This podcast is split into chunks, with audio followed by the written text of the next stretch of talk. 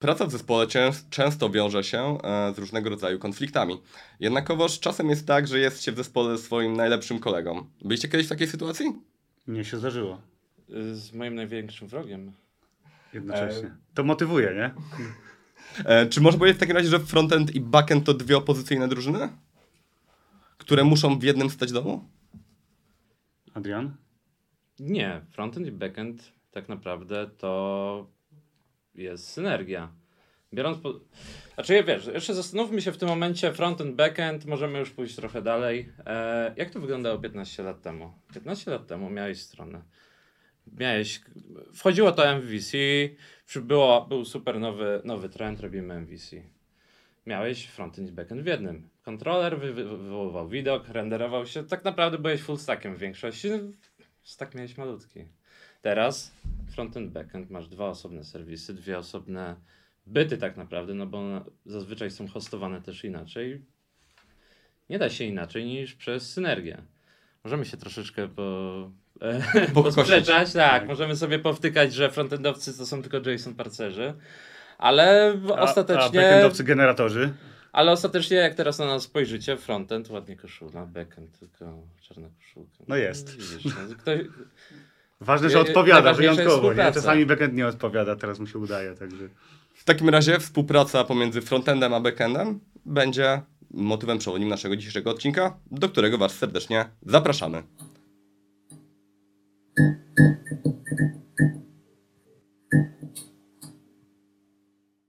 Naszymi dzisiejszymi gośćmi, którzy stoją w jednym domu jak w wierszu Juliana Tuwima, będzie Paweł i Gaweł. Żartuję. Michał Łyczko oraz Adrian Woźniak. Dzień dobry. Cześć, Dzień dobry. Cześć. Adrian, Michał, y, może opowiedzcie trochę o tym, gdzie teraz pracujecie i jak wam się układa, będąc kolegami w jednym zespole. W zespole i to całkiem długo już jesteśmy w jednym zespole i znamy się całkiem długo. E, Pracujemy w Node, a to jest e, B2B marketplace dla chemii. A potem pewnie opowiemy troszkę w dalszej części troszkę więcej o tym. E, Ja jestem staff inżynierem e, i głównie zajmuję się frontendem i jakimiś tam rzeczami DevOpsowymi też, ale zdarza, zdarza mi się czasami e, dotknąć też rzeczy backendowych. A Adrian? Ja jestem senior, mój tytuł oficjalny to senior dev 2. I możemy o tym porozmawiać, bo to też będzie, będzie ciekawe. Czy senior Dev 1 już było zajęte, że... Eee, Nie, bo on jest tak znaczy, szeroki, wiesz, że dwójkę cho- musiał Tak, chodzi, chodzi, chodzi o te barki, to nie, nie, było się, nie byłem w stanie się zmieścić e, w tej, w tej pierwszej rubryczce, E, ale to już jest też, Michał powiedział po prostu pracujemy w Node, a idąc bardziej ogólnie, pracujemy w amerykańskim startupie, e, gdzie też te amerykańskie drabinki i jest to troszeczkę bardziej sformalizowane, pomimo, że sama praca w takim miejscu jest dość, dość jest bardzo dynamiczna. To jakie technologie wykorzystujecie w takim projekcie? Bo jak powiedzieliście, że pracujecie w Node, to pierwsze co pomyślałem, że robicie. Node.jsa. W Node.jsie też coś mamy. E, Na przykład lambdy piszemy w Node.jsie e, też. E, ogólnie jeżeli chodzi o frontend, no to wiadomo tam jakieś CSS-y, style, to to też jest style component w Reactie, Angularze robimy, robimy w Next.jsie. E, mieliśmy też jakiś tam projekt w Vue, a, który teraz już, już niestety odszedł, nie? Albo stety, nie wiem, bo nikt w tym nie pisał. Także e, jeżeli chodzi o deploymenty, to e, i o sieci, to używamy Kubernetesa, e, używamy wszelakich narzędzi CI, jak Argo CD i tak dalej, więc ten stack jest bardzo szeroki, jeżeli chodzi o frontend i o DevOps. Oczywiście też używamy AWS-a i wielu usług z tego AWS-a. No i oczywiście z perspektywy tego podcastu jednej ważnej rzeczy, czyli Railsów z Rubin. Dokładnie. To zawsze element deficytowy. Zepchnąłem to na koniec specjalnie, bo jest No. w nazwie, nie? To już starczy. To wszyscy wiedzieli, że będzie. Tak.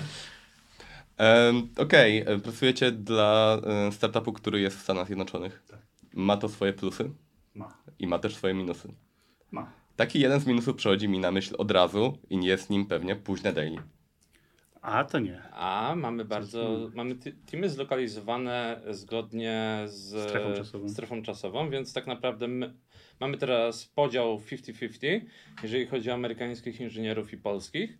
E, I my jesteśmy w zespołach, które są zlokalizowane w Polsce. Przy czym e, product team i też duża część e, teamów, na których my musimy polegać, znajdują się w Stanach Zjednoczonych albo w Indiach.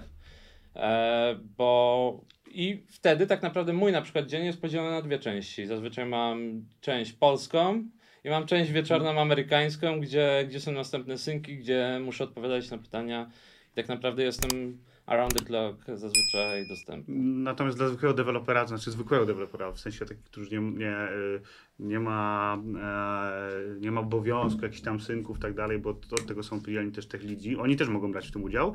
On może po prostu kończyć sobie tę pracę tam 16, 17. Zdarzają się oczywiście jakieś przypadki, tak, że jest jakiś obszar jego funkcjonalności, którego nikt jeszcze inny, jest nowy i nikt jeszcze tak dobrze nie zna, więc wtedy następuje jakaś tam próba kontaktu, ale nie jest to tak, że budzą cię w nocy i, i każą ci, wiesz, y, wstawać. No już o tyle te procesy udało nam się przez ten czas wypracować, bo ten startup ma już prawie 6 lat, e, więc y, już te pewne procesy tej większej firmy się pojawiły i, da się to, to wszystko połączyć bez bólu wielkiego. Pytanie, czy to dalej jest startup, skoro już 6 lat jest na rynku? Yy, tak, tak, te pierwsze, wiesz, są te, yy, te pierwsze yy, etapy startupu, to też są bardzo chaotyczne, tak, bo nie wiesz, czy będzie budżet, nie wiesz, czy będzie finansowanie i w miarę upływu czasu, gdzie pojawia się seria A, potem seria B i tak dalej, to wszystko musi mieć jakieś swoje reguły i...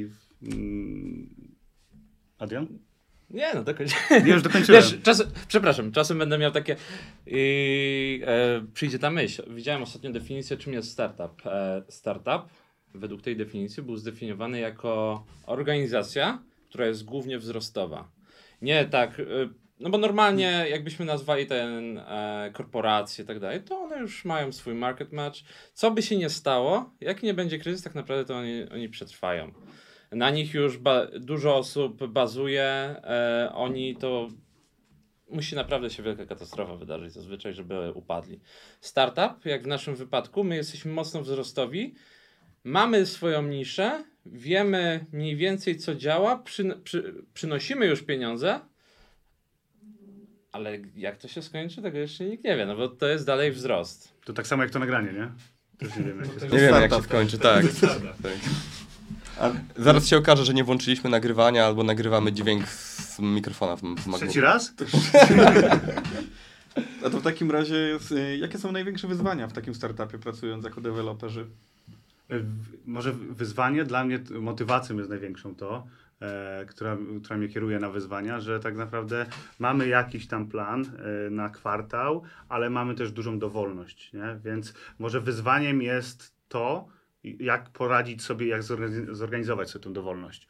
Bo wiesz, trzeba się nauczyć tego, że często e, nie da rady, znaczy praktycznie nigdy nie da rady zbudować całego samochodu, tak? Trzeba zauczy- zacząć od tych kółek, roweru i tak dalej. A najczęściej to wygląda tak, że jak chcesz zbudować wszystko na raz, to ktoś z patykiem wlatuje i się przewraca. Znaczy to jest, e, wysyłał nam CTO jakiś czas temu. Chyba jego, jego ulubiona... Tak, jego ulubiona grafika. E, mogę, dać te, mogę dać taki Opowiadamy przykład. memy teraz, tak? Opowiadamy memy. Ale, ale wiesz, to pójdźmy na, zróbmy pewne założenia. E, masz projekt, chcesz dojechać do pracy. I e, bazując na tym memie, teraz sobie powiem tak. E, możesz kupić sobie dysko...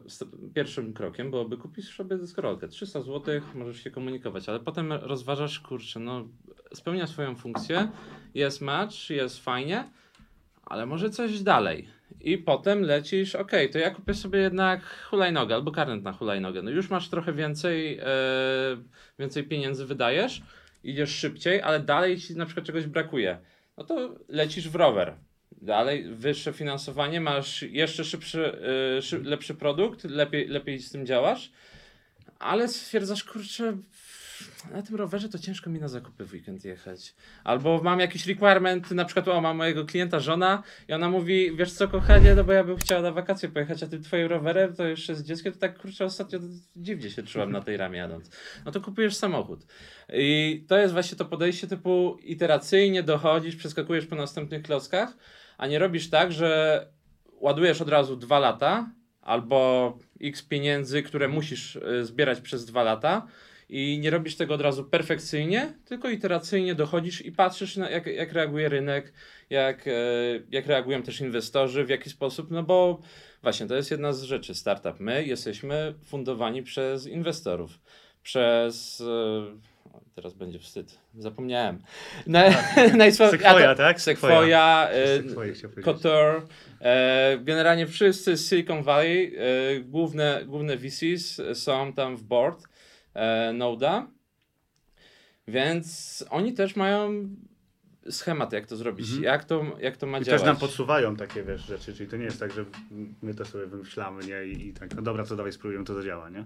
Także to jest to, jest to duże wyzwanie, nie? Żeby e, potrafić się odnaleźć w tym środowisku, bo nie każdemu to pracuje. Jest na przykład, często było tak, że jak ktoś do nas przychodził do pracy i przychodził z jakiejś większej korporacji, gdzie była tam czas na to, żeby sobie posiedzieć, trzeba lubić Trzeba lubić wyzwania i trzeba lubić tą dynamikę pracy. Nie? Mnie to bardzo odpowiada. Ja bym się na przykład nie potrafił odnaleźć w takim dniu pracy, gdzie przychodzę sobie, nie wiem, na dziesiątą, piję kawę dwie godziny, potem dwie popracuję, potem idę pograć na plejce. Mnie to nie interesuje, nie? Ja uwielbiam widzieć wyniki. Kiedyś się w tym odnajdowaliśmy. Tak, ale to znaczy teraz mam porównanie, nie? Teraz mam porównanie i wiem, że ja bym nie wrócił do tego trybu życia, nie? Do tego trybu pracy. Ale też mówiłeś, że jest ta dowolność, jak jest, pracujesz w startupie, masz tą dowolność. Ja też miałem okazję pracować trochę w startupie i czy to też jest tak trochę, że możesz wykraczać trochę poza swoją strefę, w której normalnie pracujesz, czy jako deweloper też podrzucasz pomysły na sam startup i trochę możesz co- coś wnieść więcej Znaczy u do projektu. U nas, u nas robimy to w ten sposób, że każdy może szukać czegoś ciekawego i robimy sobie na przykład takie, jak us- ustawiamy sobie dowolnie spotkanie, mówimy zespołowi, że iść ze Stanów i o takiej godzinie na przykład 17 chcemy pogadać, że mamy tam jakąś, nie wiem, y, nowy pomysł na optymalizację, nie jakichś gridów, na, na cokolwiek, tak, czy na y, cache'owanie, nie, nowy jakiś tam jest cache wyszedł, nie, I, i co z tym zrobić. No to jedna osoba, która to znalazła, robi prototyp i nam pokazuje, nie, i potem w jakimś swoim obszarze, e, za który jest odpowiedzialna, oczywiście nie na produkcji, tylko na jakimś innym środowisku, e, pokazuje te, te rzeczy, które, które faktycznie, tylko to, to jest zasada, że to musi zrobić na naszym produkcie, bo dużo rzeczy wydaje się proste z tutoriali, z, e, wiecie, i z, z, e, z podręczników, ale jak zaczynasz to robić w żywym produkcie, to zobaczysz, jakie są ograniczenia. I wtedy na przykład ta osoba, która to znalazła i była taka e, ob, hura optymistyczna, ja przez to przeszedłem dużo razy też, nie? Mówię, e, dobrze, że ja to zacząłem robić, zanim wszystkim pokazałem, nie? No bo bym zrobił szum, a potem bym siedział i paznokcie obgryzał, że się wygłupiłem, nie? Także to jest, bardzo polecam to podejście, żeby samemu, tylko nie na, nie na tutorialu, tylko na gotowym, końcowym produkcie spróbować, nie? A wspominaliście, że mm, produkt, który robicie jest adresowany do, do branży chemicznej, jest związany z chemią. Macie jakieś wykształcenie chemiczne? Potrzebowaliście mieć jakąś wiedzę domenową? Z, w gimnazjum miałem chemię chyba. No też miałem. Jak ci szło? E, Skończyłem w startupie. Ja, ja, na, ja na studiach e, miałem takich znajomych, kiedyś poszliśmy na imprezę i imprezę zaczynali od tego, że robili zacier na następną imprezę. To taki O, no to- background chemiczny. Podstawy chemii. Nie, nie, nie, Ale- nie mamy, ale... Ale w praktyce nie jest to, nie, z naszej perspektywy nie jest to potrzebne. Mamy bardzo duży team, e, PhD, e, którzy tak naprawdę zajmują się całą warstwą knowledge e, i dają nam te dane, które są już e, Przygotowane. znormalizowane na nasze potrzeby i my po prostu Dla nas są dane, system. tak, tak jakbyśmy robili. Dla was są to dane, tak? Tak, to no, były są- ciągi znaków na tak. przykład. Tak. Em, Kiedy rozmawialiśmy tak, żeby przygotować się do podcastu, Michał, opowiadałeś, czy wspominałeś, albo Adrian wspominał, że miałeś pewną przygodę związaną właśnie z pracą w Stanach, Mhm. ponieważ zbiegło się to z pewnym niekorzystnym czasem w historii ludzkości. Tak. Chciałbyś o tym powiedzieć? Covidowym, tak? Tak, tak, tak. tak. tak, tak, tak. To fajna, fajna anegdota, ponieważ kiedy, w momencie, kiedy wyleciałem do Stanów, e, wtedy do Kalifornii e, leciałem, e, okazało się, jakbyśmy tam w powietrzu już wylądowaliśmy, e, to się okazało, że wszystkie inne loty są anulowane e, i automatycznie nie było też biletów powrotnych do Polski. Ja wtedy miałem tam polecieć chyba na dwa tygodnie, czy na trzy tygodnie, nie pamiętam już. Ostatecznie się skończyło to chyba miesiącem czy półtora miesiąca e, i wróciłem ostatnim lotem e, z Chicago. Miałem problem, żeby się dostać do e, z Kalifornii do Chicago, bo tam były te loty do domu zorganizowane, więc kupiłem bilet na lot do domu e, i przez 5 dni kupiłem wszystkie bilety domestic flight, te, które są między, e, między Stanami i tylko jeden z tych lotów się odbył. Więc jakby dostałem się w ostatni, w czwartek chyba W piątek miałem lot do domu, w czwartek się dostałem właśnie tam koło południa do Chicago, e, po czym chciałem sobie nocleg zarezerwować i okazało się, że burmistrz miasta Chicago e, zablokował, wprowadził takie przepisy, żeby nie było turystyki i ograniczyć ten ruch, transfer ludzi wszystkich i każdy, na Airbnb czy na bookingu hotel odmawiał mi, e, hotel czy mieszkanie odmawiało mi zajęcia, więc jedyne miejsce, gdzie znalazłem to był taki trailer park. Możecie kojarzyć z seriala. Oczywiście. Serialu jednego. E, Tak, było to bardzo podobnie. Tam jak wjechałem tym Uberem, to poprosiłem pana, żeby mnie pod samą tą przyczepę odwiózł. Wszedłem do tej przyczepy, oczywiście okazało, że ta Odłożyłeś przyczepa si kobidon. Tak, tak, tak. E, poszedłem spać w rurze. Ale jestem odpowiedzialny, więc wstałem. Tak? na lot do domu. Tak, wstałem na lot do domu. Cały dzień na lotnisku, no i o 23 wylecieliśmy, tamtego czasu o o 23 wylecieliśmy na, e, do Polski. Przywitało mnie oczywiście w Polsce e, wojsko z karabinami. Myślałem, że prezydent Wałęsa na lotnisku. Tak, tak. Także, no i tam wynajętym samochodem, zdezynfekowanym, potem odbierali w białym stroju panowie ode mnie spod domu. E, już odjechała, odjechał pan, który zabrał ten samochód, zdezynfekował go. Następnego dnia już mnie przywitała policja oczywiście, żebym się zameldować, ale to pewnie dużo osób wtedy tak miało, także ciekawy, Tak, ciekawy w, czas. w tym pierwszym okresie byli Bo jeszcze kwarantannę miałem, całe, całe moje domostwo musiało się wyprowadzić gdzie indziej, zanim ja przyjechałem, więc mi tylko pod drzwi dowozili jedzenie. E, sąsiad z dołu, czy tam z góry, nie pamiętam, już zaczął robić remont, więc to był idealny czas na siedzenie w domu i pracę z domu i brak możliwości wyjścia, nie? Także bardzo ciekawy czas. Dlatego już jesteśmy w takich ciekawych historiach, to cofnijmy się jeszcze trochę w czasie. No i jest historia, którą też usłyszeliśmy przy, szykując się, że porzuciłeś szkołę. E, tak, bo jeżeli chodzi o moją przygodę z IT, to dziwne, że nie mam wady wzroku, bo moją taką jedną z ulubionych czynności, jak miałem już z 13-14 lat, było oglądanie tych czarnych stron z zielonymi napisami, e, żeby się dowiedzieć, jak Kevin Mitnick został legendą. e, więc tak, jeżeli chodzi o jakieś hakowanie i tak dalej, no to była, była mega zajawka. E, Potem w szkole też trafiłem na fajną grupę tak naprawdę w gimnazjum. Mieliśmy możliwość zajęcia chodzić na WSH na zajęcia z programowania, więc tam mieliśmy osobę, która normalnie wykładała programowanie na uczelni. My chodziliśmy grupą gimnazjalną i nas uczył C-Sharpa. E, robiliśmy projekty nawet na, na konkursy w gimnazjum, więc tutaj cały czas ten styk z programowaniem z IT jakiś był. Potem tak fajne czasy, nie? buntownicze tak dalej. To szkoła, szkoła, nie, po co mi szkoła? E, więc tydzień po 18 urodzinach poszedłem do swojego liceum, powiedziałem dzień dobry, e, nazywam się Adrian Woźniak, ja bym chciał wyjąć swoje papiery, ja nie będę już chodził tutaj do dziennej szkoły. Pani tak popatrzyła na mnie, jest pan pewien? Tak, poproszę moje papiery. Wyszedł. A co pan będzie robił? Panie, rowy pan będziesz kopał. Pani, zobaczymy. No i wyszedłem, zostałem, e, zos- i pos, postanowiłem zostać programistą. I jak widać się udało się. Tak. E, no, potem, potem jednak e, nie porzuciłem całkowicie tego. E, maturę zdałem w trybie wieczorowym e, i poszedłem na, na uczelnię, więc... I Na, skończył. na, na uczelnię, co zabawne, poszedłem dziennie już. O, patrz pan, jak się, od, jak się odmieniło. Tak, potem się odmieniło, poszedłem na uczelnię dzienną, e, ale pracowałem na Uniwersytecie Łódzkim, więc miałem ten, nazwijmy to, przywilej, że byłem osobą techniczną na uniwersytecie, gdzie zarządzaliśmy całą e, infrastrukturą, stronami uniwersyteckimi, robiliśmy projekty powiązane z uniwersytetem. E, Z, perspektywy programisty, a potem sobie wychodziłem na zajęcia, gdzie miałem na przykład w tym samym budynku. Widziałem, że y, na LinkedIna twojego spojrzałem, że na Wydział Matematyki chodziłeś. No to ja na Wydział Matematyki. Porzuciłem go po półtora roku, bo ja poszedłem na profil grafika komputerowa i projektowanie Mhm. gier i dopiero na trzecim semestrze mieliśmy w ogóle styczność z grafiką komputerową i to było robienie obrazków ASCII w notatniku. Co ty gadasz? Michał, a ty rzuciłeś kiedyś jakieś studia? Myślę, że trzy razy. E, Tak, ale bo- też teraz do tej anegdotki e, Adriana, co mówił. My byliśmy w tym samym gimnazjum, nawet o tym nie wiedzieliśmy, zanim mnie przenieśli z tego gimnazjum z jakichś tam powodów błahych. Pominę. E, to byliśmy w tym samym gimnazjum, nawet o tym nie wiedzieliśmy. Mnie przenieśli. Potem właśnie Adrian zaczął pracę na uniwersytecie. Ja już tam byłem, też pracowałem i tak się tam poznaliśmy w rzeczywistości, na tym Okej. uniwersytecie, nie? I te, już wcześniej nasze drogi się jakoś tam przebiegły, ale się minęły i spotkały się z powrotem tam, nie? Więc od tamtej pory w sumie mamy To cały czas sumie też kontakt. takie zabawne. Ja mieszkałem w Łodzi na ulicy Legionów, Michał na Gdańskiej. Na 1 maja na Gdańsku. E, do tego samego gimnazjum w pewnym momencie chodziliśmy, potem do różnych. Jak się to wszystko przeplatało. Waldek, no to teraz ty musisz powiedzieć, kiedy cię wyrzucili albo gdzieś przenieśli, no bo jak nie, to musisz wyjść, no. No ja zawsze miałem taktykę, żeby uprzedzać ten ruch.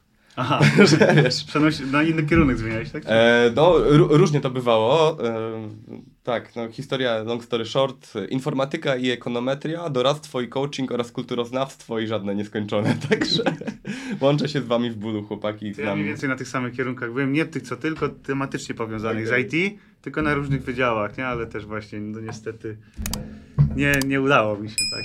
Dobra, teraz ten czas Dlatego na... poszedłem na frontend, tak? Bo na backend Adrian mógł iść, bo miał studia, a ja nie. Dlatego jestem testerem. Okej, to teraz chodźmy trochę na te profesjonalne, właśnie pogadajmy sobie e, o tym, jak się żyje, e, będąc w zespole w różnych jego e, gałęziach. Ja jestem testerem, gdzieś to testowanie to jest koniec łańcucha pokarmowego, e, a wy jesteście przedstawicielami e, frontu i backendu. I z mojej perspektywy, mojej pracy bardzo często jest tak, że ja wymagam czegoś od programistów, programiści wymagają jakichś tam e, rzeczy, rzeczy ode mnie. A jak wygląda to u Was? Mm, Czego wymaga programista backendowy od swojego kolegi na froncie i w drugą stronę? To zależy też od y, jakby stanowiska, na którym, jest, na którym jesteś, tak? Inaczej, do, inaczej się podchodzi do, do midów, inaczej do seniorów. E, więc y, u nas przede wszystkim zaczyna się to tak, że my, ja z Adrianem mamy też spotkania takie też troszkę y, produktowe z PM-em, tak dalej, żeby te pierwsze fazy projektu też określić, zrobić jakiś plan. E, potem, e, potem robimy to tak, że razem, y, ostatnio też w jednym projekcie byliśmy, e, robimy tak zwane RFC, przygotowujemy to, spisujemy wszystkie wymagania, które tak są takie bardziej techniczne, już żeby nie, bo nie, nie każdy, e, nie każdy musi rozumieć cało, znaczy powinien rozumieć jak to będzie działało, ale te wszystkie detale produktowe nie są potrzebne deweloperom, więc przygotowujemy takie RFC.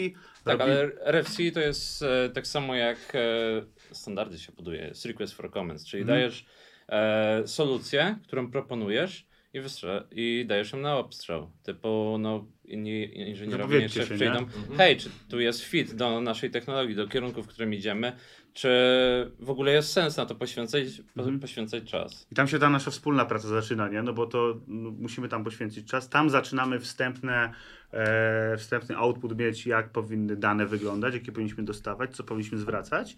Potem na tym, e, potem na tym razem frontend i backend buduje sobie kontrakty. Używamy tam przykład tego postmana czy czegoś, żeby mieć już jakieś miejsce. I wtedy też są komentarze, że słuchaj, tu mi będzie brakowało czegoś, tu mi będzie brakowało czegoś innego. I w tym momencie zaczynamy już pracę jakby razem, ale oddzielnie, bo żeby się nie blokować, tak na przykład Adrian i jego zespół pracuje nad backendowymi e, jakimiś tam optymalizacjami, tworzy te wszystkie algorytmy, bazy danych i tak dalej, e, to wtedy, żeby frontend nie był zablokowany, my dostajemy zielone światło i właśnie na tych kontraktach pracujemy. Uprzedziłeś moje pytanie, bo kolejnym do rozwinięcia tego pytania miało być to, jak zrobić tak, żeby nie czekać na siebie nawzajem, bo to jest mega, mega częsty problem. E, E, ale ale- piszesz, tak, na piszesz, mokach- piszesz kontrakt i... Zawsze pojawiają się jakieś problemy, które z tego wynikają, e, no bo tu się coś zmieni, tu nie można czegoś pobrać, tu będzie inny typ, bo ktoś tam coś tam w locie zmienił, zobaczył, że to jednak nie może być boolean, tylko tam jednak da number, bo z jakichś powodów będą, będzie więcej wartości. E, Natomiast to jest wszystko fa- fajnie ten proces, że mamy te dzienne synki i nie staramy się wszystko pisać na na takich transparentnych kanałach, czyli unikamy, e, unikamy prywatnych wiadomości, tylko jak jest jakiś projekt, to jest oczywiście podzielony na front, backend i wspólny kanał, e, więc możemy sobie per projekt tak dyskutować na Slacku e, i wtedy to fajnie jest, fajnie się pracuje, potem pod koniec dnia możemy się synkować, jeżeli coś potrzebujemy z innego teamu, na przykład jakichś danych, możemy się z innym teamem ze Stanów synchronizować, nie? Więc tak to idzie, no i potem wiadomo, wchodzi tam e, cały e, UAT, mamy tam jakiś przegląd, pierwszy pr- przejrzenie tego projektu całego, jak to wygląda, są pierwsze bugi, no to zwrotki, potem znowu jest druga tura I tak powtarzamy do skutku, żeby to wszystko. Czasami się skobutnie, też nam się tak zdarzało. W sumie w projekcie też mamy takiego Waldka wjeżdża, wiesz. Tak, No, chłopaki, to teraz czas na QA. tak. Idzie. Jeżdżę cały na biało. Tak, A, a my tylko tak patrzymy. I, teraz? i, jak, jak grzyba to mamy. No. Tam, ja tam zawsze robię ten przycisk, tu nie klika i ten pierwszy co to... Nie działa. Mówię, że było napisane, żebyś nie klikał. To po co ten przycisk? Chciałem sprawdzić. Myślałem, że będzie, a nie czytałem, nie?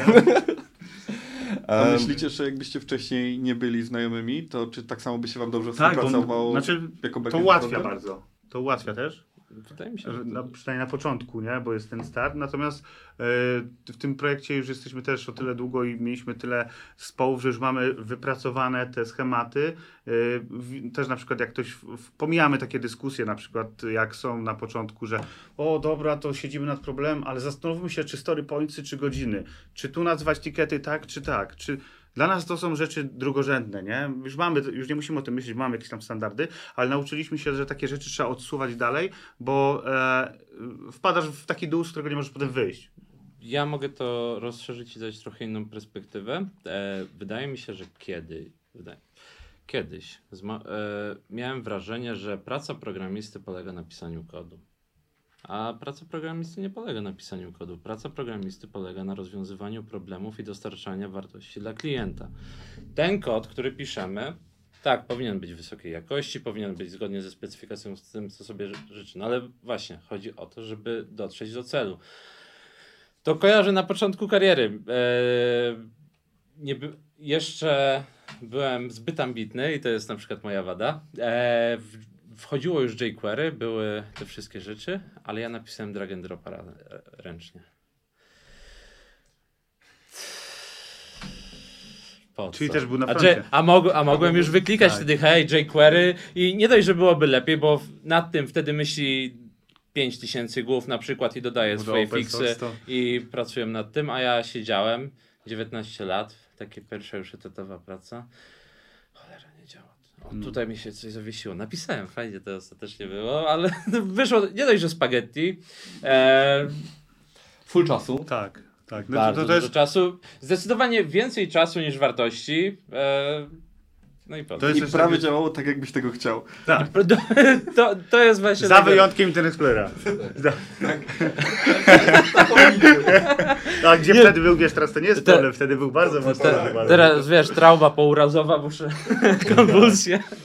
No. Jak z samochodem, że komuś pożyczasz, ale musisz zacząć rozmowę od pozwól, że ci, coś ci wyjaśnię, nie? I tutaj nie możesz tego i tamtego. Tutaj y, Adrian też wspomniał o tym właśnie, o tej ambicji i o przy, tego, jak w miarę wzrostu twojego doświadczenia widać też to, jak przestajesz mniejszą uwagę przy, przywiązywać do swojego kodu, w tym sensie, że jak go będziesz musiał skasować za 2-3 miesiące, to, to kiedyś miałem tak, że o kurde, tyle pracy, nie? Poszło się...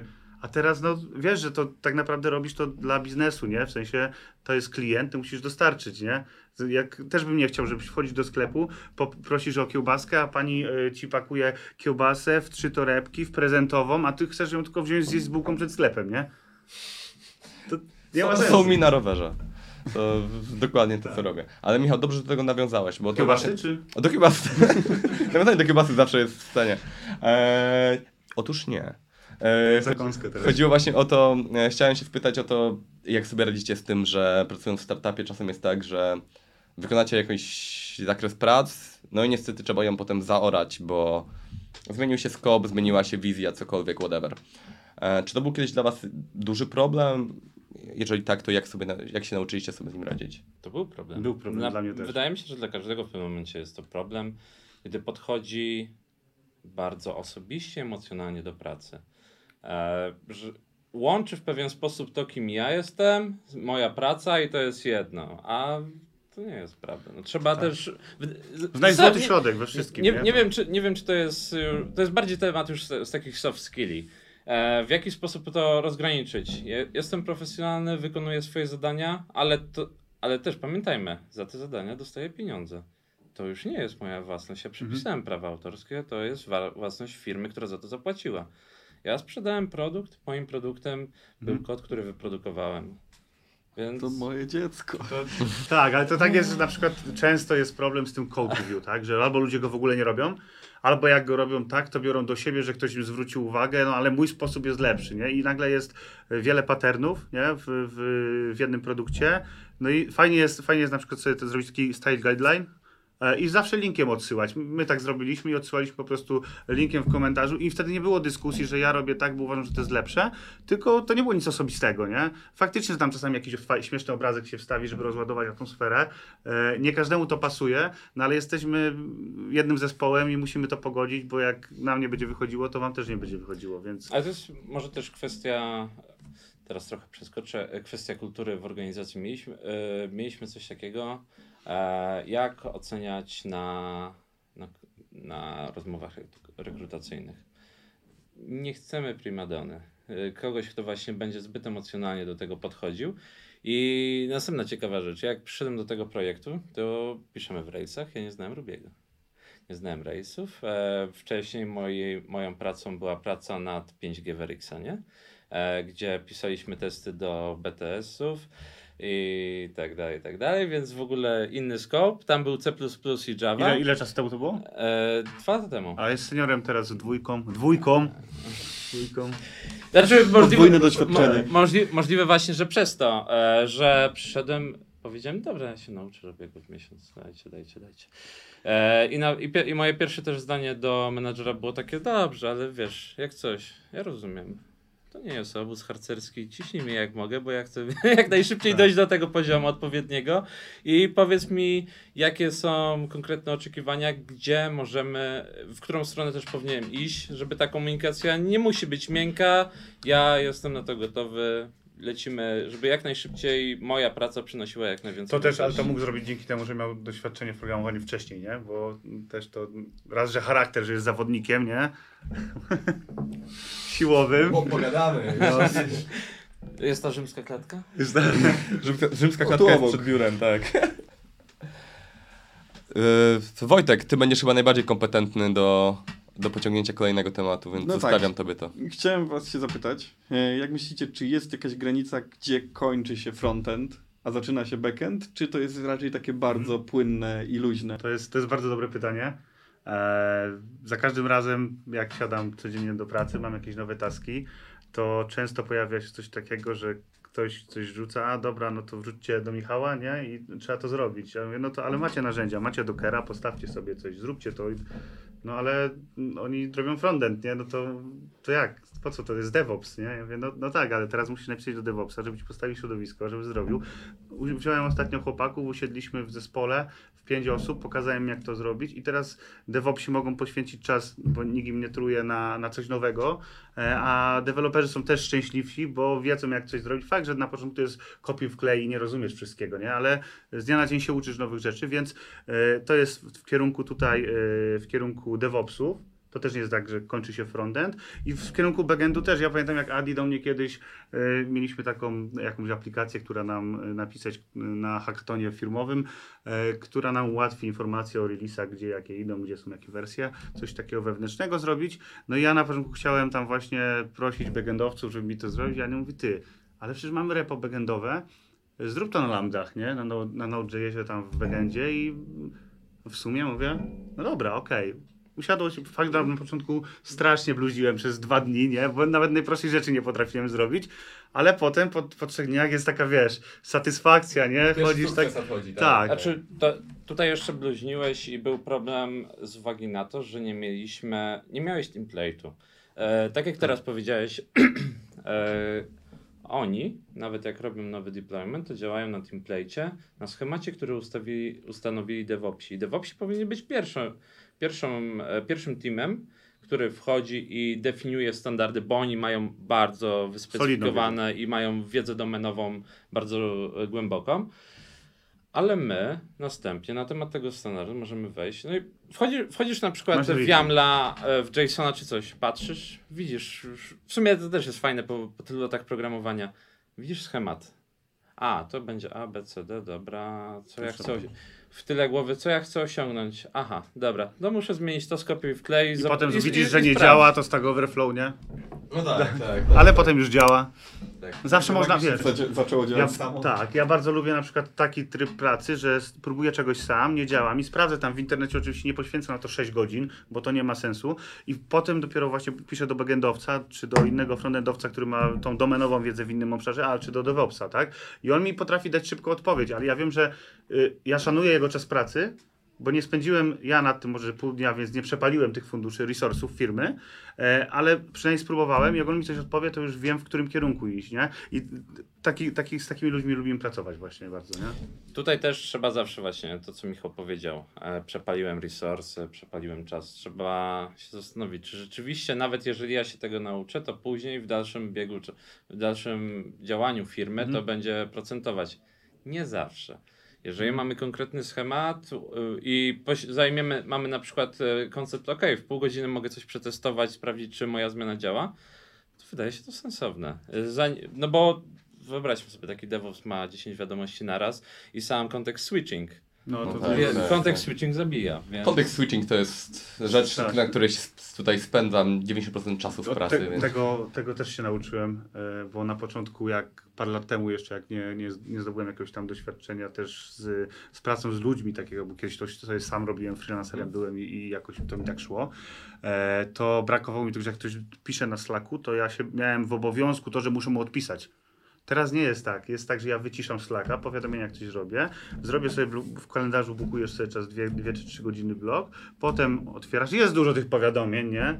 Ale to jak coś jest bardzo ważnego, to napiszą ponownie, ale zauważyłem, że duża rzecz, to, to właśnie się od naszego y, kolegi dyrektora nauczyłem, że dużo ludzi przy braku odpowiedzi samym rozwiąże ten problem.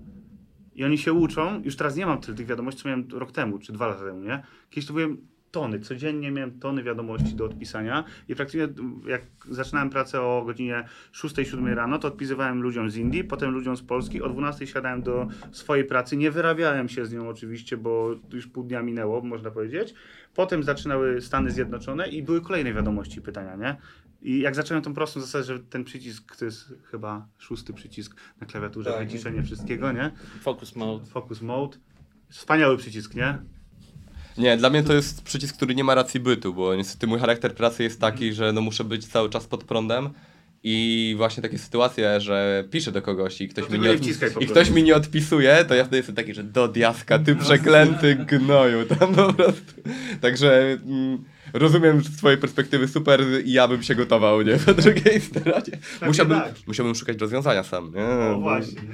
Tru, trudniejszy temat. A to zacieranie granic jeszcze to też jest fajna rzecz, taka rozwojowa, bo na przykład może dla, dla projektu przynieść taką satysfakcję, że na przykład mm, frontend, który nie ma nic stycznego z backendem, e, może zaproponować jakieś rozwiązanie, na które backendowcy by nie wpadli, a fr- bo frontend myśli w, na przykład w inny sposób i zaproponuje coś, co może faktycznie się sprawdzić i No to fajnie przy działać. kontraktach się nawet też pojawiają, na przykład backendowcy też y, mają wiedzę tam, w których to, co jest w tabelach i jak to jest powiązane, a my Widzisz, a ja na przykład czasem się zastanawiam, czy to jest dobre podejście. Bo mamy schemat, w którym e, często się na, z tym spotykałem. Frontendowiec mówi, dobrze, jaki będzie kontrakt, a ja... Ja jestem z backendu. Backend jest z nami. Ty, ty jesteś moim klientem. Czego ode mnie oczekujesz? Mhm. Powiedz, co musisz wyświetlić. To, okej, ja mam jakąś strukturę danych e, w bazie, mam in- narzędzia jakieś dodatkowe, z których pobieram te dane, ale to już jest po mojej stronie, że ja zbiorę te dane i przemapuję i zwrócę ci w formacie, którego ty oczekujesz. No bo to jest, przepraszam, to jest najważniejsze, żebyś ty dostał to, e, z, czego potrzebujesz. tak. A ja mogę powiedzieć, hej, wiesz co, to może być nieoptymalne, zróbmy z tego, e, zró- z- zamapujmy to troszeczkę inaczej. E, typu w, na, w naszej, u nas w aplikacji mamy taką sytuację, że nasze produkty e, są opisane po czymś, co się nazywa facet, czyli to jest taka grupa jakichś nazw, na przykład flavor, e, mhm. Czy nazwy, y, czy jakieś rzeczy, które konkretnie opisują produkt chemiczny. Smaki, jakieś tam wszystkie. te Jakby chemiczne- takie E E220 lista No, taka. No. Dokładnie. I, I mamy tego miliony. Miliony. A mamy, mamy searcha, w którym mamy możliwość po poszczególnych grupach po, i mamy filtry do tego. I teraz tak, jeżeli wybralibyśmy wszystkie grupy i wszystkie filtry do wszystkich tych grup, to response miałby parę megabajtów prawdopodobnie. Albo więcej. Więc tutaj nie możemy tego zrobić od razu. Musi, te, jak zwrócimy sobie grupy, jakie mamy dostępne w, da, w danym kontekście naszego obecnego wyszukiwania, bo tam też mamy te wszystkie filtry i tak dalej, to można w każdą stronę iść. No to wtedy sobie wybieramy tylko z jednej grupy. I na przykład najłatwiej teoretycznie byłoby wyrzucić wszystko, ale mamy tysiące requestów i się okazuje, że nasz, nasza baza danych już nie daje rady, że nasz przesył danych już jest absurdalny, a użytkownik zazwyczaj tylko wejdzie i on chce tą konkretną grupę i wszystko i ilość zasobów potrzebna do zrealizowania tego zapytania jest od razu o wiele mniejsza. Na przykład tutaj z, z frontendowych rzeczy to też jest coś takiego, że e, mieliśmy też kiedyś tak, e, taką sytuację, że e, frontend chciał dzielić wszystko, żeby każdy komponent miał oddzielny request, żeby to się dało wykorzystywać. Nie, nie, nie reużyjesz te, tego pewnie w 90% przypadków, nie? E, I się skończyło tak, że mamy nagle wchodzisz jedno wejście na stronę i masz, nie wiem, 15 requestów w jednym momencie wykonanych, nie?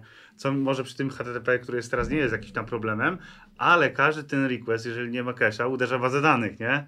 I teraz były takie sytuacje, że sami siebie dosowaliśmy, bo na przykład jeszcze poszły testy end-to-end, które wchodziły bardzo szybko na to wszystko. Jeszcze poszedł crawler jakiś, żeby tam z Google'a wskoczył i to pojawił się problem wtedy, nie? No bo jeden request można skeszować i to jest dużo tańsze niż parametryzowanie 15 różnych innych requestów, które jest też można skeszować, ale będzie dużo wariantów tego cache'u, nie? Więc dużo jest takich sytuacji. I to jest na przykład coś, co doświadczony frontend developer powinien zauważyć, nie? Bo wie, że backend będzie dostawał, nie? W sensie, że będzie dostawał mocno po yy, plecach. Na, następna rzecz, o której rozmawialiśmy na, na samym intro. E, gdzie się kończy frontend? No w tym momencie frontend jest os- osobną aplikacją. Przychodzą do requesty HTTP, on je obsługuje, ma cały procesing, ma cały pipeline. Co ja mam z tym dalej zrobić? A dobra, to tutaj potrzebuję z danych z backendu. Tu wyślę jeszcze do, jakieś dane do analityki, tutaj gdzie coś pobiorę. To już jest, tak naprawdę to jest taki mały backend. E, w, nie, w niektórych aplikacjach chyba w, ty, w tym momencie frontendowych w sumie co, backend też masz w Node.jsie, Tak, więc... tak. Ale też zwróćcie uwagę, że kiedyś frontend to były tam te style HTML i tak dalej. No właśnie chciałem A teraz- powiedzieć, że kiedyś to się ludzie. Ja mogę mówić, że się ludzie z czegoś śmiali, jestem testerem, nie? Więc ja mam, te, te, te, mam tego pasa, nie? Że mogę o tym mówić. Tak, kiedyś się ludzie śmiali, że e, tam programista frontendowy, tam kwadraty i kółeczka sobie układasz, nie? A No, teraz to jest zobacz, zupełnie inne zagadnienie. Ile typów renderowania strony, client-side render, server-side render, tam pojawia się static side generation, coś tam y, incremental side generation. To, tego, jest, tego jest tyle, że tak naprawdę no, musisz wiedzieć, jak to działa. Ja mieliśmy taką sytuację też, że e, ktoś, kto nie, nie rozumie, cache zawsze mówią, że przyspiesza, nie? Ale to też może ci dać dużo problemów, jak nie wiesz, jak działa, nie? Jeżeli coś było w cache'u w aplikacji frontendowej w stronie przeglądarki, to ta przeglądarka ma dosyć duże resursy, bo jest jeden użytkownik, nie? I tą aplikację przenieśliśmy na serwer i ktoś cache'ował coś, co nie musieliśmy cache'ować, bo już backend szybko odpowiadał i tak dalej. I jeszcze mieliśmy CDN-a, więc nie trzeba było tego cache'ować dalej. E, A było to cache'owane w naszej aplikacji server-side renderingowej, nie? która była miała server-side render. I co pojawił się taki problem, że to wszystko gdzie jest trzymane? W pamięci RAM. No jak jest jedna instancja e, tej aplikacji i ona cały czas dostaje no, więcej danych do cache'a, więcej danych do cache'a z kilku różnych e, podów, można powiedzieć, z kilku różnych użytkowników, setek użytkowników, to ten RAM nam się kończył tam cały czas. I wtedy w, w, zobaczyliśmy to, że ty, ale tam jest cache włączony, przecież to nie ma sensu, nie? Bo to już cache'owane jest innym narzędziem, nie? To już nie, nie ma sensu tego robić. No i okazało się, że jak włączyliśmy ten cache, to RAM spadł na przykład dziesięciokrotnie, nie? Czy też dużo jest takich sytuacji, że o generowanie obrazków, zmniejszanie, nie? To też tam te automatyczne są takie serwisy, na przykład w Next.jsie jest usług, taki serwis, który ci pozwala optymalizować obrazki i zmniejszać, ale my już mamy to wykupione załóżmy w jakiejś zewnętrznej usłudze, więc jak poszedłeś zgodnie z dokumentacją, to zrobiłeś wszystko dobrze, ale robiłeś to dwa razy. I te nasze serwery też nie wytrzymywały wtedy, jak jest duży ruch, nie? Przypomniało mi się teraz, jak mówiłeś o Cesarze, jaki ty jesteś mądry chłopak. Dziękuję. Pa, pamiętasz, jak chciałeś Cesara w Angularze zrobić? I Google, Google e, Angular Core Team e, i konsultanci z Google'a mieli problemy, a Michał tak, ja to zrobię. No, ale spę- spędziłem na tym dwa miesiące. E, Faktycznie, bo mieliśmy dużo takich e, problemów z integracją tego z już z istniejącą aplikacją, bo według dokumentacji to była szybciutko byśmy to zrobili, nie? I działało nam na zwykłej aplikacji, ale my już mieliśmy działający produkt i było tyle zależności, na których nie było odpowiedzi, e, gdzie wzięliśmy sobie nawet konsultantów z Google, którzy de facto pomogli nam. Marek Pieszak, mogę Cię pozdrowić teraz z tego miejsca. Pozdrawiamy Marka. Tak. Bardzo dużo mi pomogli, ale to się w końcu udało zrobić z ich pomocą, ale się udało, ale zajęło nam to 2 czy 3 miesiące, nie? Już miałem tak dosyć tego, że To sam fakt to, że frontendowców teraz się zatrudnia, patrząc po konkretnych frameworkach, a nie po prostu frontendowca, to pokazuje jaka skala jest tego frontendu, że to się mocno rozrosło. Ale to jest tak jak Adi przeszedł, nie? Z, y, znaczy to nie jest framework, tak? W sensie to jest dużo większa różnica między C, C Sharpem a, a Rubim. E, natomiast y, według mnie każdy dobry, szanujący się frontendowiec, czy nazwijmy nawet zaryzykujmy programista, nie? Szumnie nazwany program. Tak, że na przykład ja zacząłem od tam jakiś y, Blackbone, jakiś Vue, przeszedłem przez Angulara, teraz robimy w, w Reactie, w Next.jsie, nie? I to, to nie powinien być problem. Jak ktoś rozumie, jak działa obiekt, jak to, czym jest obiekt, jak to się robi, to jest wszystko to samo, tylko ubrane w inne ciuszki, nie? Więc y, to jest, myślę, klucz całego. Obaj macie za sobą drogę od takiego tam regular developera do leada, seniora, e, senior developera 2. E, aspir, aspir, e, aspiruję do staffa. Wtedy, wtedy będziemy mogli rozmawiać na równi, nie? Zob- zoba- Zobaczymy w tym miesiącu, to, co, co się uda. Ale staw 3 czy... Nie, Nie, to, staw jedynka. jeden. I teraz rzucę tezę i chciałbym, żebyście ją ewentualnie zbombardowali. Jak jesteś sobie regularem, masz być specjalistą we własnej dziedzinie, ale kiedy chcesz przeskoczyć wyżej, na stanowisko seniorskie lub liderskie, twoja wiedza musi wykraczać ponad twoją działkę. Przykładowo Adi jako backend musi mieć jakąś wiedzę DevOpsową, musi mieć jakieś szczątki chociażby frontu. Analogicznie, tak jak ty, również musisz mieć jakieś em, wiedzę DevOpsową czy też backendową. I teraz hit me, czy mam rację, czy nie. Uważam, że masz rację. To jest jedyna droga. To do dziękuję, nie? temat zamknięty. Eee, dalej. Wiesz, to mogę ci, mogę, mogę ci opowiedzieć dalej e, o naszym Competency Matrix. E, więc generalnie tam, e, i to jest dokładnie to, co, co powiedziałeś. E, developer 1, developer 2, senior developer, oni mają dodatkowy dopis, że oni są w środku teamu. Więc tam to już leci tylko od tego, że coraz lepiej potrafi, coraz jest bardziej techniczny i tak dalej.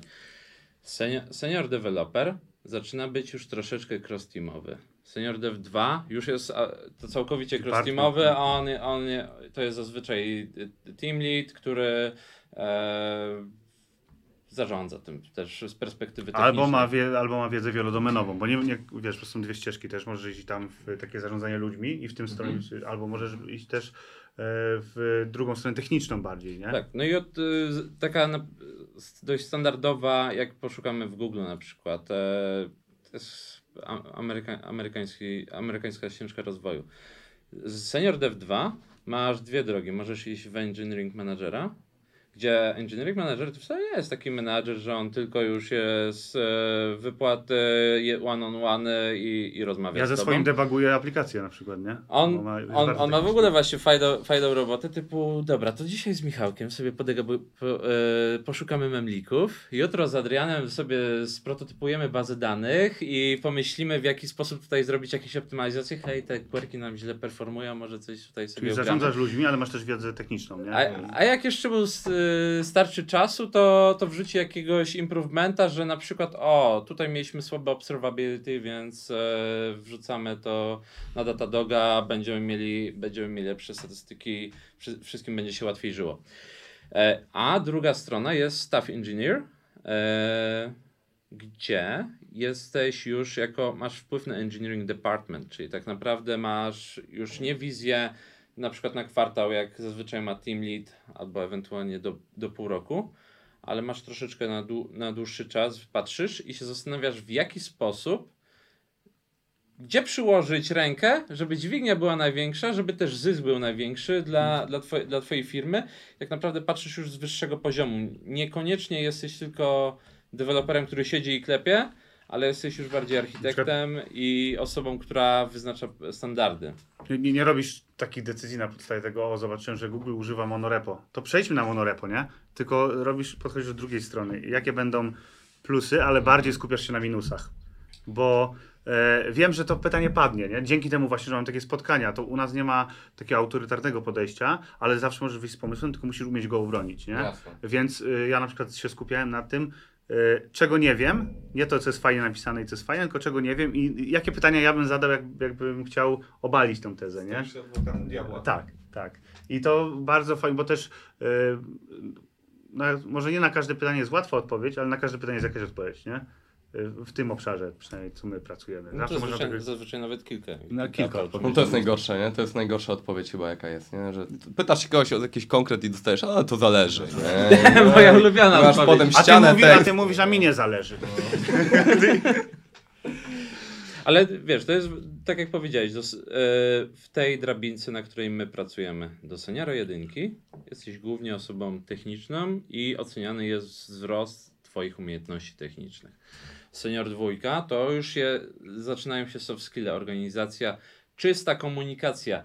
Nie działa mi ABCD, znalazłem to tutaj i tutaj. Yy, widzę też potencjalnie takie i takie rozwiązania, jakie może. Yy, hej, pomóż mi. I na przykład do menedżera piszesz, pomóż mi podjąć decyzję. Raportujesz do kogoś A, B, C, D, jasno, klarownie. Nie mówisz, hej, nie działa. I, i czekasz na przykład dzień na round trip, e, ale co? A, zapomniałem. Napisać. E, więc no, te, te, te so- soft skille czy inne rzeczy, które e, budują Mhm. wydajność w organizacji, potem coraz mają coraz więcej znaczenia. Już też na przykład zaczynasz takie rzeczy jak jakieś tam prezentacje, czy knowledge sharing, tak? Czy tłumaczysz ludziom na przykład, hej, słuchaj team, zaproponuję wam trzy daty, zróbmy sobie może e, szkolenie, nie wiem, strzelam, z Postmana, nie? Takie luźne, nie takie, że siedzisz półtorej godziny prezentacja, musisz umieć też, z- dostajesz te skille takie, jak prezentować, jak robić te slajdy, nie? Bo to jest też istotne i jak robić to, żeby ludzie to rozum- zrozumieli, że nie piszesz ściany tekstu, linków do dokumentacji, tylko wchodzisz w naszą na przykład aplikację, w, nasze, w naszą infrastrukturę i na tym przykładzie pokazujesz nawet live, jak jesteś w stanie zaryzykować. Nie? Jak, jesteś, jak już wiesz, że to rozumiesz, to jesteś w stanie zaryzykować. Wielokrotnie robiłem coś live i podnosiłem to ryzyko i rzeczy, które się udały, tak, to na palcach jednej ręki zdecydowanie. to, to Michał dobra, e, dobry przykład dał teraz. E, mieliśmy stażystów i zaleciliśmy im, żeby zrobili, żeby też oni usystematyzowali sobie wiedzę. Zrobili takie bardzo podstawowe, techniczne prezentacje i opowiedzieli na przykład, czym jest zmienna, czym jest e, pętla. działa internet. Bardzo, prosto, ba, bardzo prosto, podstawowe rzeczy, jak działa HTTP. No i ich prezentacje były ściana tekstu zazwyczaj i wiesz, opowiadają, opowiadają. Prezentacja jest, Michała jest, no cześć, siemanko i wiecie, i opowiadał jeszcze cie, ciekawą historię i, i oni, to, i wiesz, i siedzisz i, ale ciekawe, fajnie, fajnie. Wiesz, to I- też wejść I, I od razu w głowie zostaje. Nie? I No, to, dokładnie. to, to też wynika z tego, nie, ja na przykład 3 lata temu nie potrafię tak zrobić, nie? E, nie dlatego, może że technicznie też byłem, też mniej wiedziałem technicznie, ale brakowało mi tego, jak spojrzenia, jak ja bym chciał to zrozumieć, nie? No bo zawsze jak ja chciałem czegoś zrozumieć, to musiałem się przekopać przez tony dokumentacji, posprawdzać to sam, a potem sobie siadam i mówię, jakbym do tego podszedł teraz, jak już wiem, żebym pomyślał, że tego nie wiem, nie? No, no, no, kumam, To jest kumam, kumam. trudne, ale udało mi się jakoś to tak wypracować, że, że uważam, że chyba rozumieją, co mówię, nie? Czasami. Tak, wtedy mniej jest więcej, no bo najważniejsze ile zostanie w głowie i emo- też ostatecznie zapom- zapamiętasz jakieś emocje, czy ten, o tutaj powiedział jakiś żarcik, a przed tym było to i Tak, tak, się tak, tak. Wszystko wszystkie inaczej się takie, układa. Nie wiem, to się nazywa memo, memotechniki, tak? Mhm. Jakieś, bo, może kiedy dasz dobry żart, dobrą anegdotę Mhm. przed lub po czymś, co było, miało być ważne, to może to zostanie bardziej zapamiętane, nie? To No to nawet, to nawet chodzi o to, że dajesz, wiesz, e, zamiast rozpisywać, nie wiem, jak będzie release proces wyglądał, bo zmieniasz, to rysujesz diagram, ale to nie może być też taki diagram, że tak wiesz... jakiś rąb, nie? rąb Tutaj jakiś. mamy wszystko. ja zawsze tam jakieś kolorowe te dawałem, specjalnie fakt, że mi na przykład zeszło na tym 2,5 godziny, ale to jest po- poświęcone moje 2,5 godziny, a zaoszczęd... jak jest 30 osób, to jak oni to zrozumieją w 15 minut, załóżmy, zamiast siedzieć potem 2 godziny, to ja zaoszczędziłem w tym momencie 60 godzin, tak? No tak, No to- tak. Nie to- będziesz musiał tego tłumaczyć, jasne.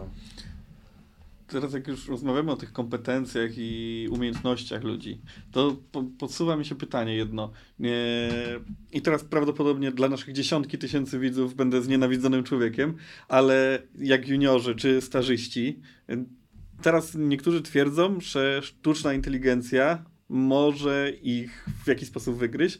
I czy jest- są jakieś obawy, czy wygryzie tylko juniorów, czy wygryzie wszystkich? Nienawidzę cię Wojtek. To jest... Myślę, myślę, myślę, że QA może być pierwszy. Szczerze? Też, też tak myślę. Ale poczekaj, Też tak bo myślę. QA to też testy end-to-end. To też czasami można... I ty też twoja wiedza Mam bardzo być... duże wrażenie, że właśnie rola testera automatyzującego, Mhm. ona będzie jedną z pierwszych. Napisanie aplikacji jest ciężkie. Jeżeli, jeżeli by to, chcieć to zadać to AI-owi, to będzie to dla niego ciężkie. Ona będzie masa założeń, stratatata. Ale praca mm, z automatyzacją testów jest trochę odtwórcza, nie? My wykorzystujemy coś, co już jest napisane i tak naprawdę to zautomatyzować przez AI Jest, jest prościej, ale Według mnie ten próg wejścia jest dużo mniejszy. Często, często ty jako tester, e, jak piszesz te testy, zrobisz coś źle, popełnisz Mhm. błąd. I dzięki temu znajdziesz inny błąd, nie? Dlatego mówię właśnie o roli testera automatyzującego, bo wydaje mi się, że gdzieś ta rola ludzkiego klikacza, ona dalej nie zniknie, no bo właśnie będzie ten czynnik ludzki, będzie ten symulator idioty, yy, tak brzydko to nazwę, ale, yy, ale tak, wydaje mi się, że gdzieś ta, ta warstwa automatyzacji tekst, tekst, tekst, testów będzie gdzieś na pierwszym... Tu musisz promować Ogniu. TTD. Tak, tak, od razu wszystko AI, du, du, I potem AI będzie bazować na tym, co są na testach i, Tak, tak. I będą tylko testerzy. Wiesz co, ja myślę, że tak nasz, jeżeli chodzi o programistów, to jest właśnie powinna być motywacja dla wszystkich, żeby nie, nie, nie uczyć się tylko jednego frameworka, tylko uczyć się, jak działa cały ekosystem. Bo jak Oczywiście mm, sztuczna inteligencja może cię zastąpić w wielu rzeczach, które są tam wyuczone, powtarzalne, ale jest dużo rzeczy. Na przykład jak dostajemy temat i zadałbyś pytanie, y, który CDN powinniśmy spiąć z naszym rozwiązaniem, bo wiem, że mieliśmy problemy. No to, to do tego, według mnie do tego cały czas będzie potrzebna wiedza, nie tylko ta zgromadzona z danych, tylko ta, to też twoje przeczucie, nie? Mhm. Bo będziesz mógł przewidzieć, jak coś zrobić, gdy połączysz to z czymś innym. Na przykład y, w bazie danych może tej sztucznej inteligencji może nie być informacji, że kiedyś był użyty ten token do czegoś i teraz jak wiesz, że to użyjesz, to coś się wysypie, nie? A człowiek zawsze może gdzieś coś mi tam przypomnieć, że pił z kolegą sok, wylał na niego i wtedy ten token był, nie? No ale żeby rzeczywiście to się stało, założę, że musimy mieć bardzo dokładny opis też e, tego, co aplikacja ma działać, bo jeżeli chodzi o AI, to od, e, takie, od jednego z e, biznesowych influencerów w Polsce słyszałem bardzo fajną przenośnię, jak w tym momencie można podejść do AI, że masz nieskończoną farmę ludzi, o, o IQ około 80, bo jak im poda, wydasz polecenie, tyle rozumiem, ale o nieskończonej wiedzy domenowej, że znają cały internet, wiedzą wszystko. Więc jeżeli dostatecznie dokładnie opiszesz to, co ma się stać, to to się stanie. E, to będzie z czasem też o wiele lepsze, to IQ się podniesie i e, pewność tego rozwiązania będzie wyższa. E, ale z tej perspektywy sugestią byłoby nie idź tylko technicznie, Mhm. bo musisz mieć jeszcze soft skille, e, musisz mieć umiejętności organizacyjne, żeby, Opisowe też, żeby ro- opisać żeby to, rozumieć, tak? jak Bo- to się wszystko łączy, więc iść może troszeczkę szerzej, mieć może tą swoją właśnie specjalizację, bo to się nie stanie pewnie w przeciągu 10 lat. No to, Może żeby zwalidować chociażby to, co nam AI wypluje, nie? To trzeba mieć też jakąś to- wiedzę, nie? Czuję się teraz bezpieczniej, bo k- klient e, musi wiedzieć, co chce, żebyś, żeby AI To jest mogło działać. Ale Ale Wiesz, to może być nawet gorsze, bo teraz będzie tak. E, chcę to, albo to, albo to, a ja zrobi. Masz 20 projektów. No i słuchaj, e, jeszcze jest kwestia tego, na przykład z, e, rozmawialiśmy teraz na wyjeździe, jak byliśmy razem z, z kolegami. Że ja, ja tam wyczytałem, że teraz są te AI jest używane do generowania artykułów, do SEO i tak dalej, i tak Do dalej. zadań domowych. Ale nawet posłuchaj, i teraz skoro to jest wykorzystywane do generowania artykułów do SEO, to mój kolega bardzo dobrze zauważył, to jaki jest problem, żeby ktoś inny wykorzystał do rozpoznania tych artykułów to. E, dobre w sumie. więc, więc to może być też tak, że to będzie... Bo nauczyciele w Wielkiej Brytanii nie są w stanie rozpoznać, nie? To, jest, to był teraz case sprzed tygodnia, że nie są w stanie rozpoznać tego, co jest napisane przez AI. A jeszcze ja mam jedną tezę i ją zbombardujcie. Czy w takim razie, w ogóle uwielbiam coś takiego, e, czy widzicie może przestrzeń do tego, żeby oczywiście zawód programisty dalej pozostał, być może on będzie miał węższą specjalizację, w sensie, że ma, będzie bardziej wyspecjalizowany, ale że pojawi się na przykład nowa gałąź, którą będzie operator sztucznej inteligencji, Nie, no, która będzie wychodzę, osoba, która wychodzę. będzie, która będzie dobrze te, te zapytania em, tworzyła, tak, tak, żeby one były efektywne. E, No i odpowiednio też karmiła, nie? Ewent- Ale ty mówisz, że zbombardujcie, a wiesz, że dobrze mówisz. Ale nie wiem. E, Bo chcesz, żeby go pochwalić. Znaczy, Dobrze, ja, ja, ja, by, ja bym to nazwał takim QA AI, więc widzisz, Waldek, Waldek, Waldek tak patrzy, ty będę miał to robotę czy nie? Tak jak myślicie? Ja muszę trochę tak pomarudzić za to, że nie, fajne. Zgadzam się. Nie, Czy ale widzicie tak- gdzieś, że coś takiego może powstać, nie? Też tak gdzieś... Chyba, że AI będzie walidował AI i, I się wszyscy będziemy niepotrzebni. A my będziemy tylko baterią, jak w Matrixie. I, i będziemy. E, ty, albo inaczej. Tak jak są teraz ankieterzy.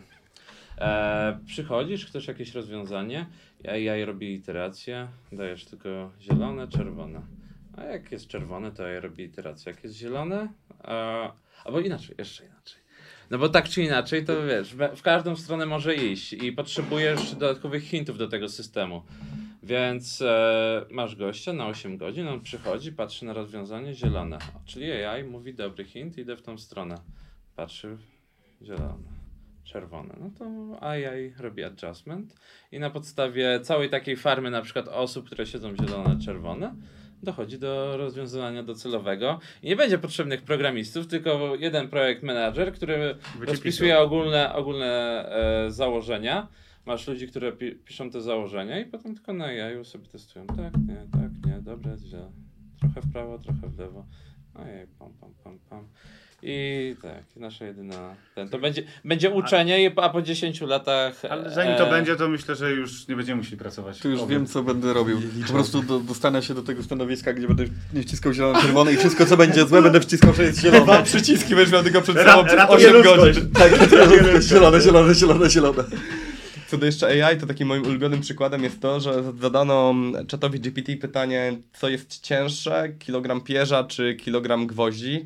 No ja kocham tę tą pewność, którą zawsze ten chat GPT mówi, że z całą pewnością, z oczywistym jest, że cięższy jest kilogram gwoździ, ponieważ gwoździe mają większą gęstość niż pierze i tak dalej. Na początku myślałem, że ale głupi. I dopiero po chwili do mnie doszło, że on z pozoru udzielił błędnej odpowiedzi, a tak naprawdę udzielił najbardziej poprawnie, bo rozdzielił masę od ciężaru i sobie Okej. to porównał. Czyli to ty zadałeś źle pytanie po Dokładnie prostu. tak, A jak dokładnie zadał tak. to człowiekowi, e, to Tak. nie zwróciłby na to uwagi pewnie, Oczywiście, nie? Tak. oczywiście. Znaczy, ile konceptów może rozważyć? My w ciągu dnia, jak przemierzamy sobie życie, no idziemy zawsze na uproszczenia.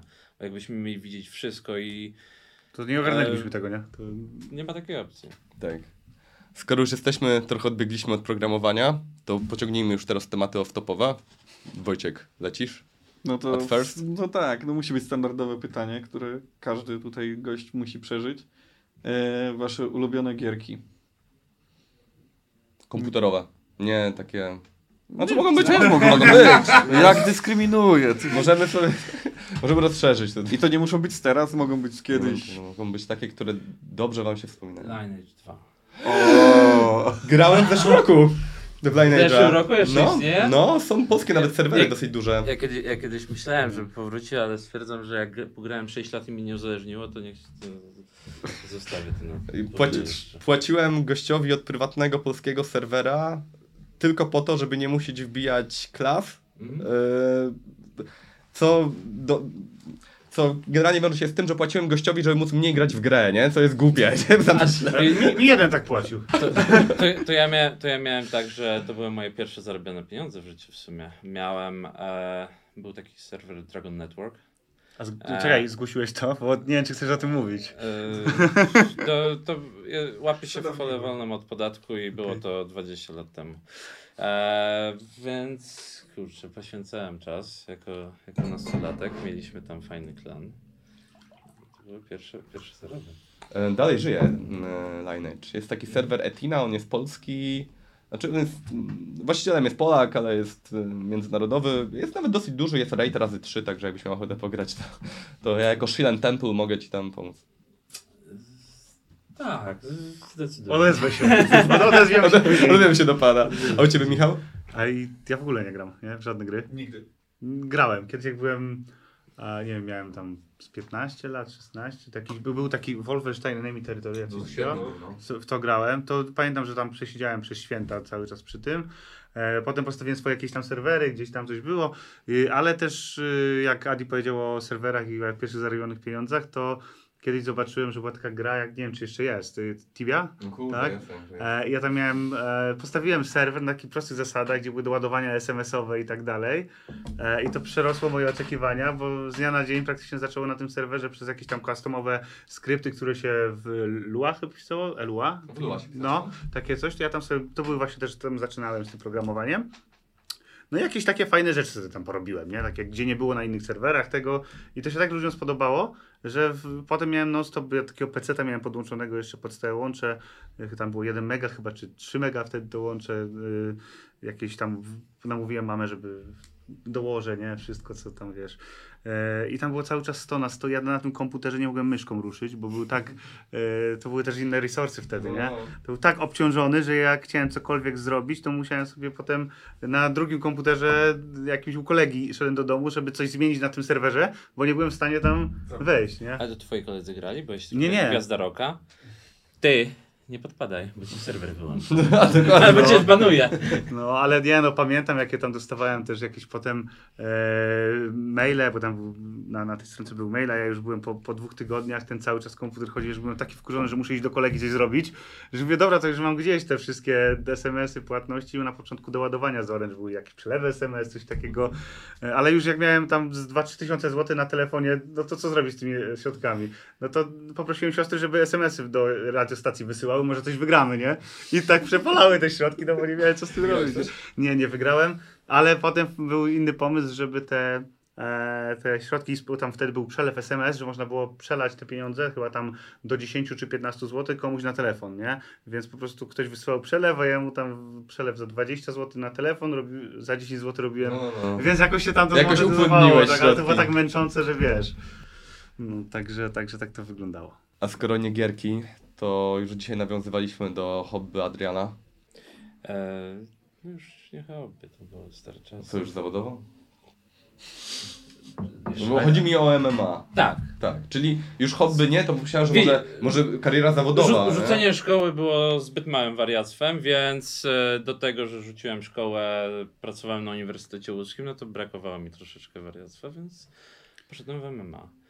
A, że nie miałem e, rodziny, dzieci i no byłem w IT, więc byłem trochę rozumu. spaczony na, na, na e, to, że trzeba dużo pracować i dużo robić. No to miałem taki okres, że miałem 10-12 jednostek treningowych w tygodniu i trenowałem w łódzkim klubie e, wyczynowe MMA. E, miałeś I szko- i- miałeś i- debiut? I, i miałem debiut. Na, Bardzo. na mia- ALMMA, czy... nie, wiesz co, to była, była, było w Kołobrzegu, była taka gala. E, to też zabawnie wyszło, bo była chyba środa, czy ja już byłem po sześciu treningach w tym tygodniu. E, na ma, po, po, po treningu siedzę tam w biurze klubu, e, kolega do mnie, ty, e, właśnie dzwonili z Kołobrzega, że szukają e, na walkę wieczoru w wadze ciężkiej. Dobra, tak. Adrian, tak.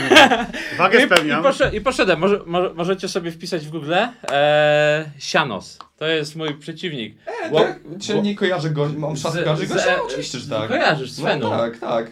Więc e, mam taką pamiątkę tutaj. A w zespole, zespolone ramię miałem.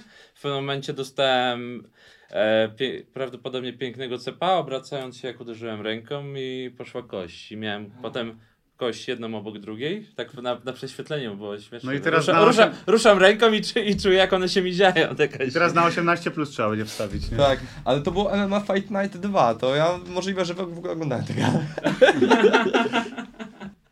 Widzisz jak to leci. Więc tak, to było tak zabawnie w, w środę już po, po, po, po całym tygodniu treningów, przez całe wakacje. A potem miał, 10 długą, potem miał długą przerwę już. 10 jednostek treningowych tygodniowo, taki totalnie wyrypany. Ile Ile miałeś tej konwalescencji?